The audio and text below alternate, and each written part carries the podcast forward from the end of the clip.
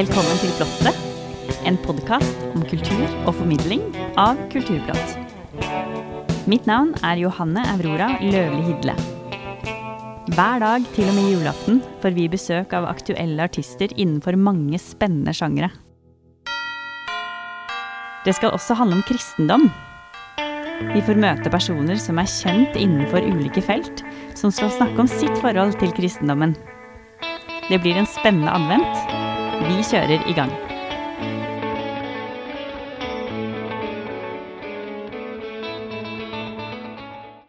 Nå er våren her, for meg er det september.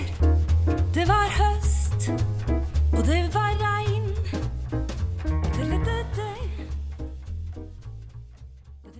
I dag har vi besøk av jazzsanger Lise Vossleff Velkommen. Tusen takk for det. Du er aktuell med albumet En egen ro.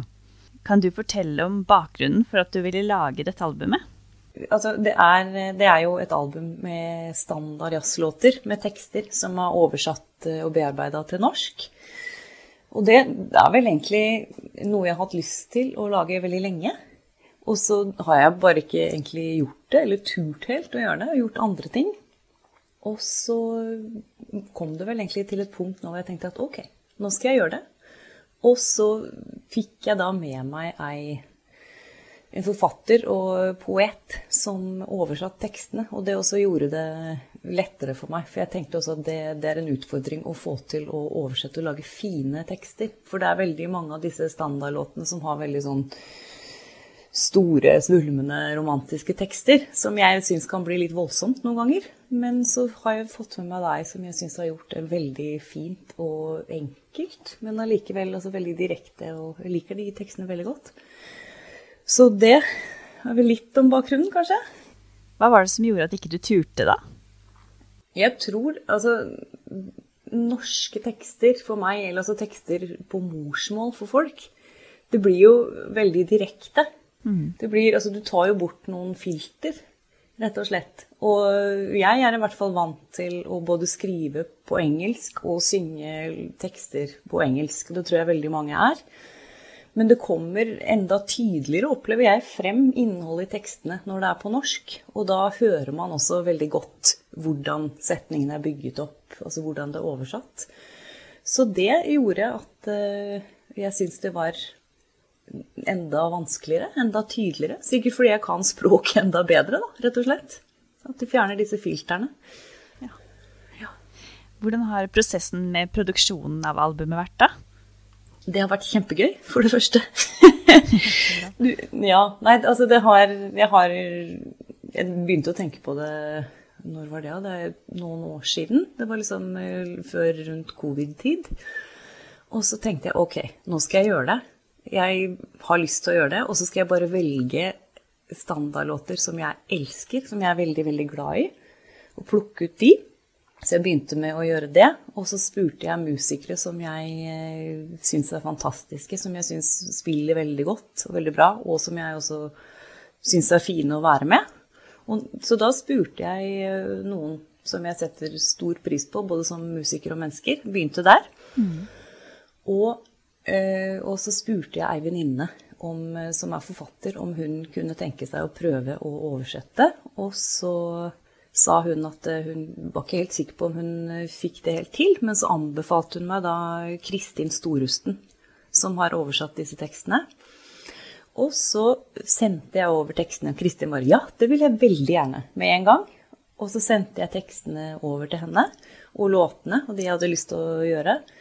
Og veldig raskt Hun satte seg ned og jobba med en gang. Og veldig raskt så fikk jeg de sendt tilbake. Kan vi bruke noe av dette? Hva syns du? Her er førsteutkast. Ja. og så um, likte jeg jo de kjempegodt. Så det var veldig kult. Og så inviterte jeg henne hjem til meg. Og så satt vi Altså det var mens det var lov til å være sammen. Det var også under sånn restriksjonstid.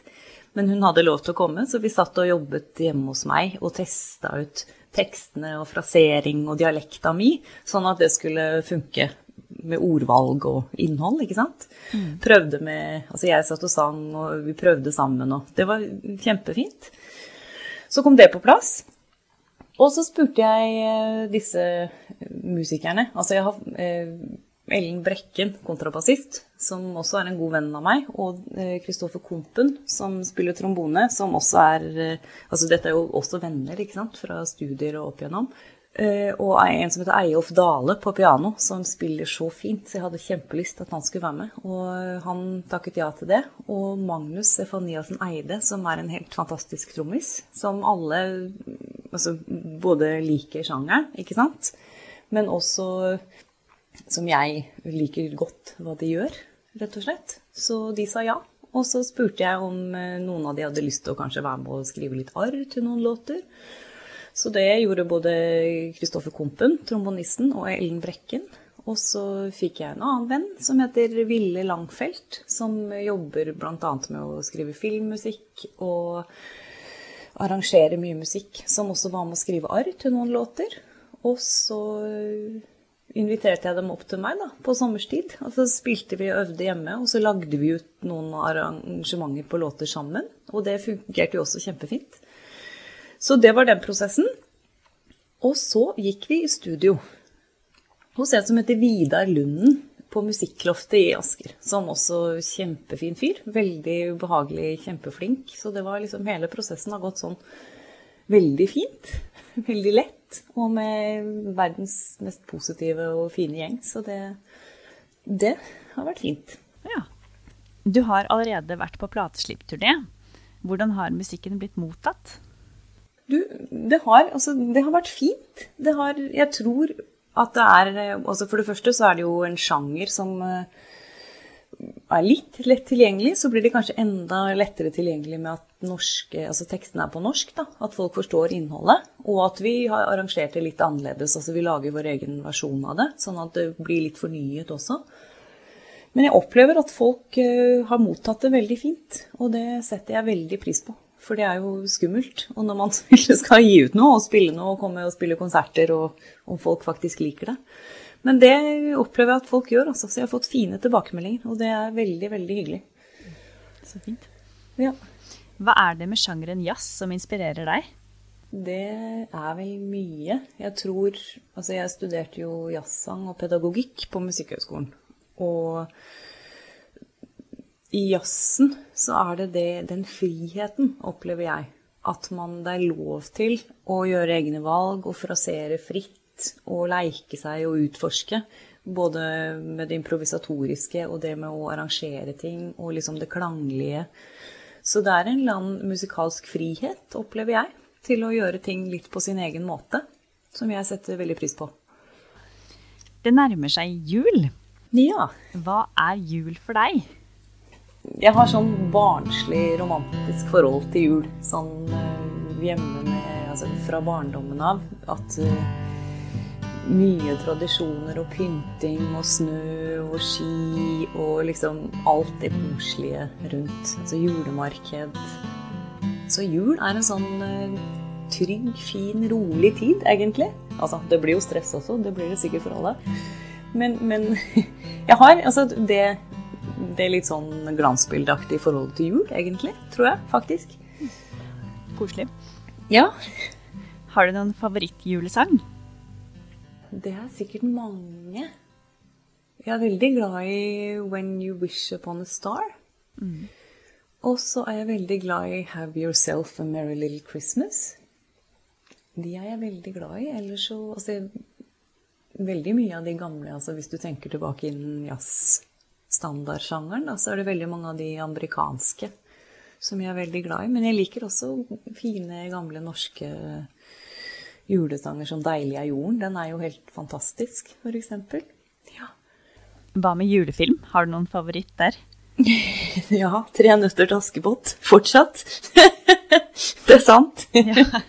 Den er jo altså Det er jo litt flaut noen ganger når man ser på det, men jeg gjør faktisk det fortsatt. takk for at du kom til Plott, Elise. Veldig hyggelig at jeg fikk komme. Tusen takk. Da skal vi høre en låt fra albumet ditt. Det var høst, det var regn. Det var fullt av løvegull september. Husker du det? Det var regn. Sola lå ved åsen som en mørk glo. Det var høst, og det var regn. O omsorg.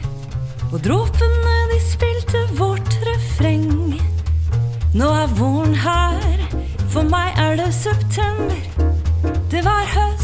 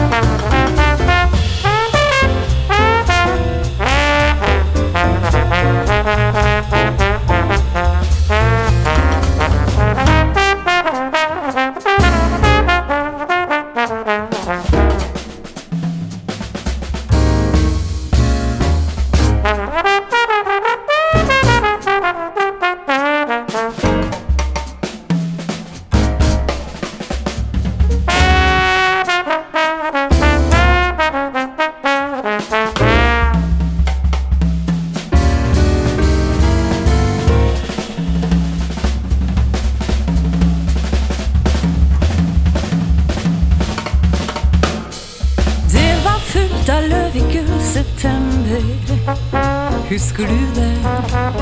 Det var regn. Sola lå ved åsen som en mørk glo. Det var høst, og det var regn.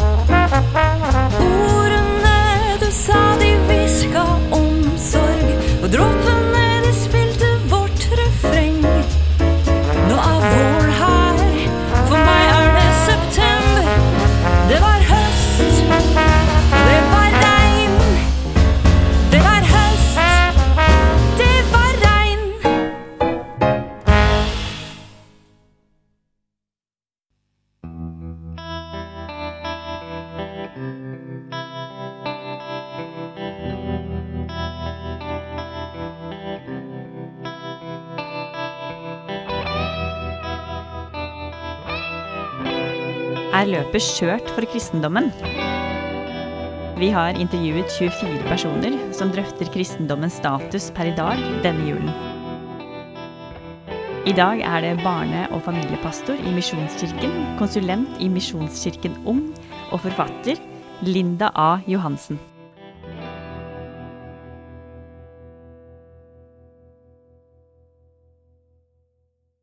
Er løpet kjørt for kristendommen?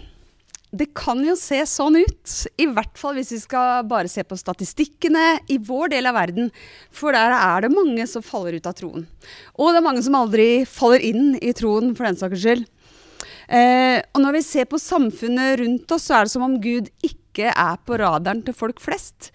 Eh, hvis man trenger hjelp, så er kirka og Gud det siste stedet man henvender seg til. Tro, og kanskje da særlig den kristne troen i vår del av verden, blir ansett som avleggs. Som et gufs, kanskje, fra fortida. Så da er det kanskje ikke så rart at man lurer på om løpet kanskje er kjørt for kristendommen. Noe av kjernen i den kristne troa, det er eh, troen på en gud som elsker sin skapning, og som viser det ved å sjøl bli menneske Kristus. Jeg tror at dette er sant, at Gud far elsker alle sine barn, enten de kjenner ham eller ikke. Jeg tror det er noe alle trenger å høre. Til alle tider, men ikke minst i vår tid, der individet selv må definere, definere både seg sjøl og sitt eget liv og sin egen sannhet. Og det er en stor oppgave. Det kan være krevende. Og følelsen av å være alene om dette her store, det kan overmanne og kan gjøre at vi mister at vi står i en større sammenheng.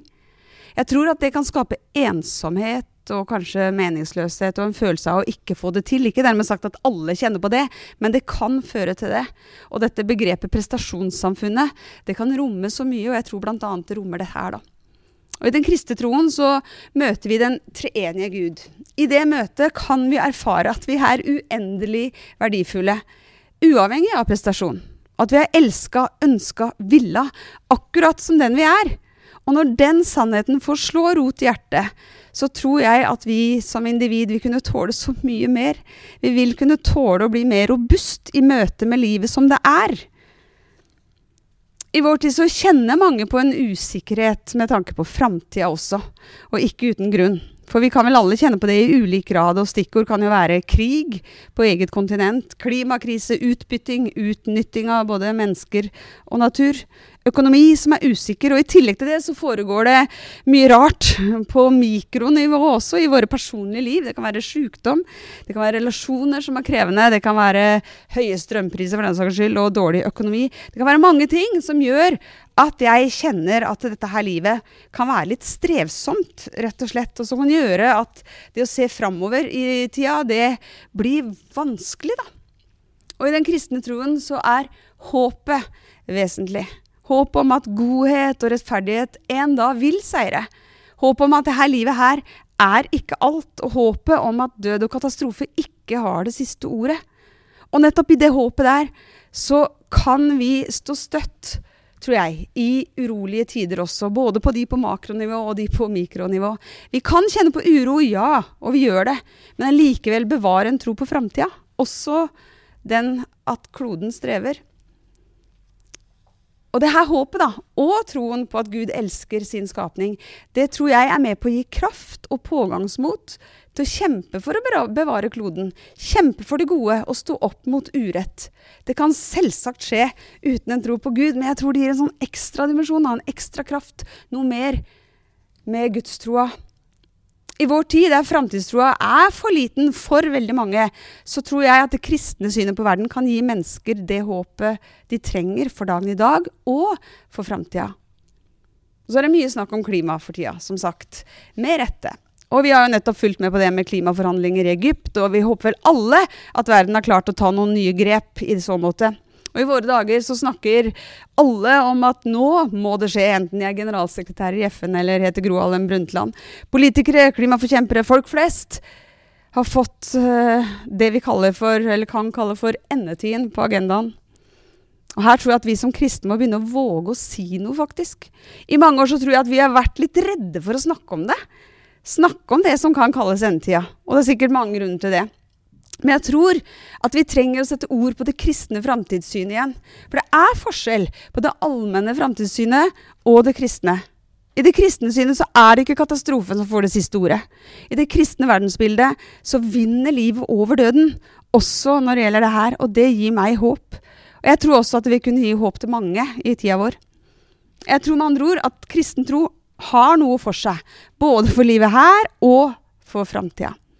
Og så velger mange det bort allikevel. Hvorfor det, da? Jeg tror ikke det er noe veien med Gud.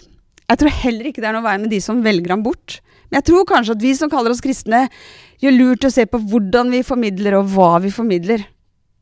Jeg sa innledningsvis at kjernen i den kristne tro er Gud, som elsker sin skapning, og som viser det ved å sjøl bli menneske.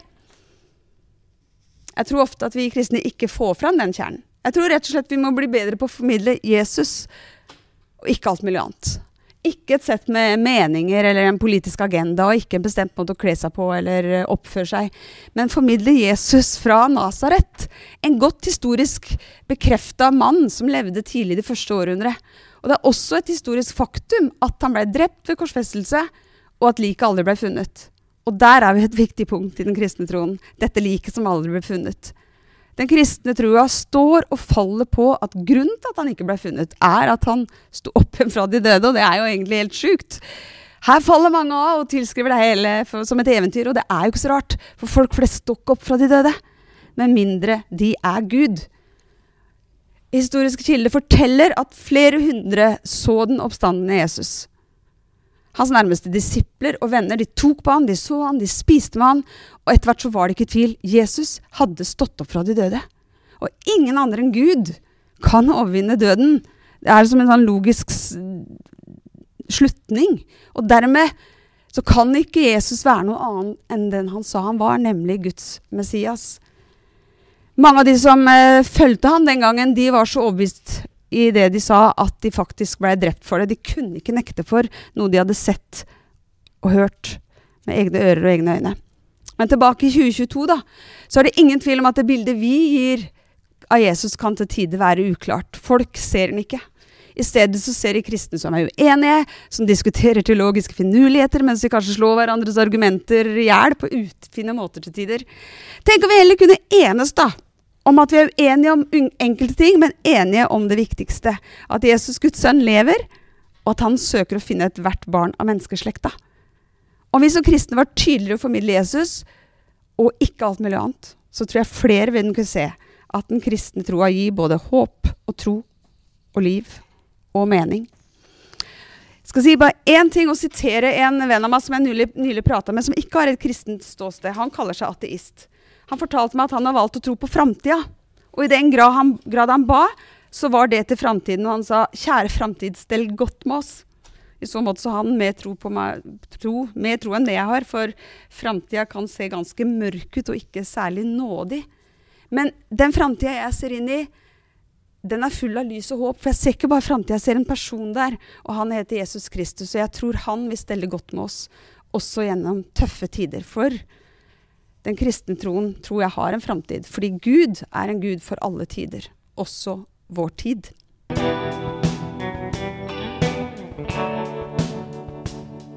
Følg med på alt som skjer i kulturverdenen på kulturplott.no. Der finner du også et tilbud på Kulturplott og magasinet Samtiden på 150 kroner for seks måneder. Programleder og teknisk ansvarlig for denne sendingen var Johanne Aurora Løvli Hidle.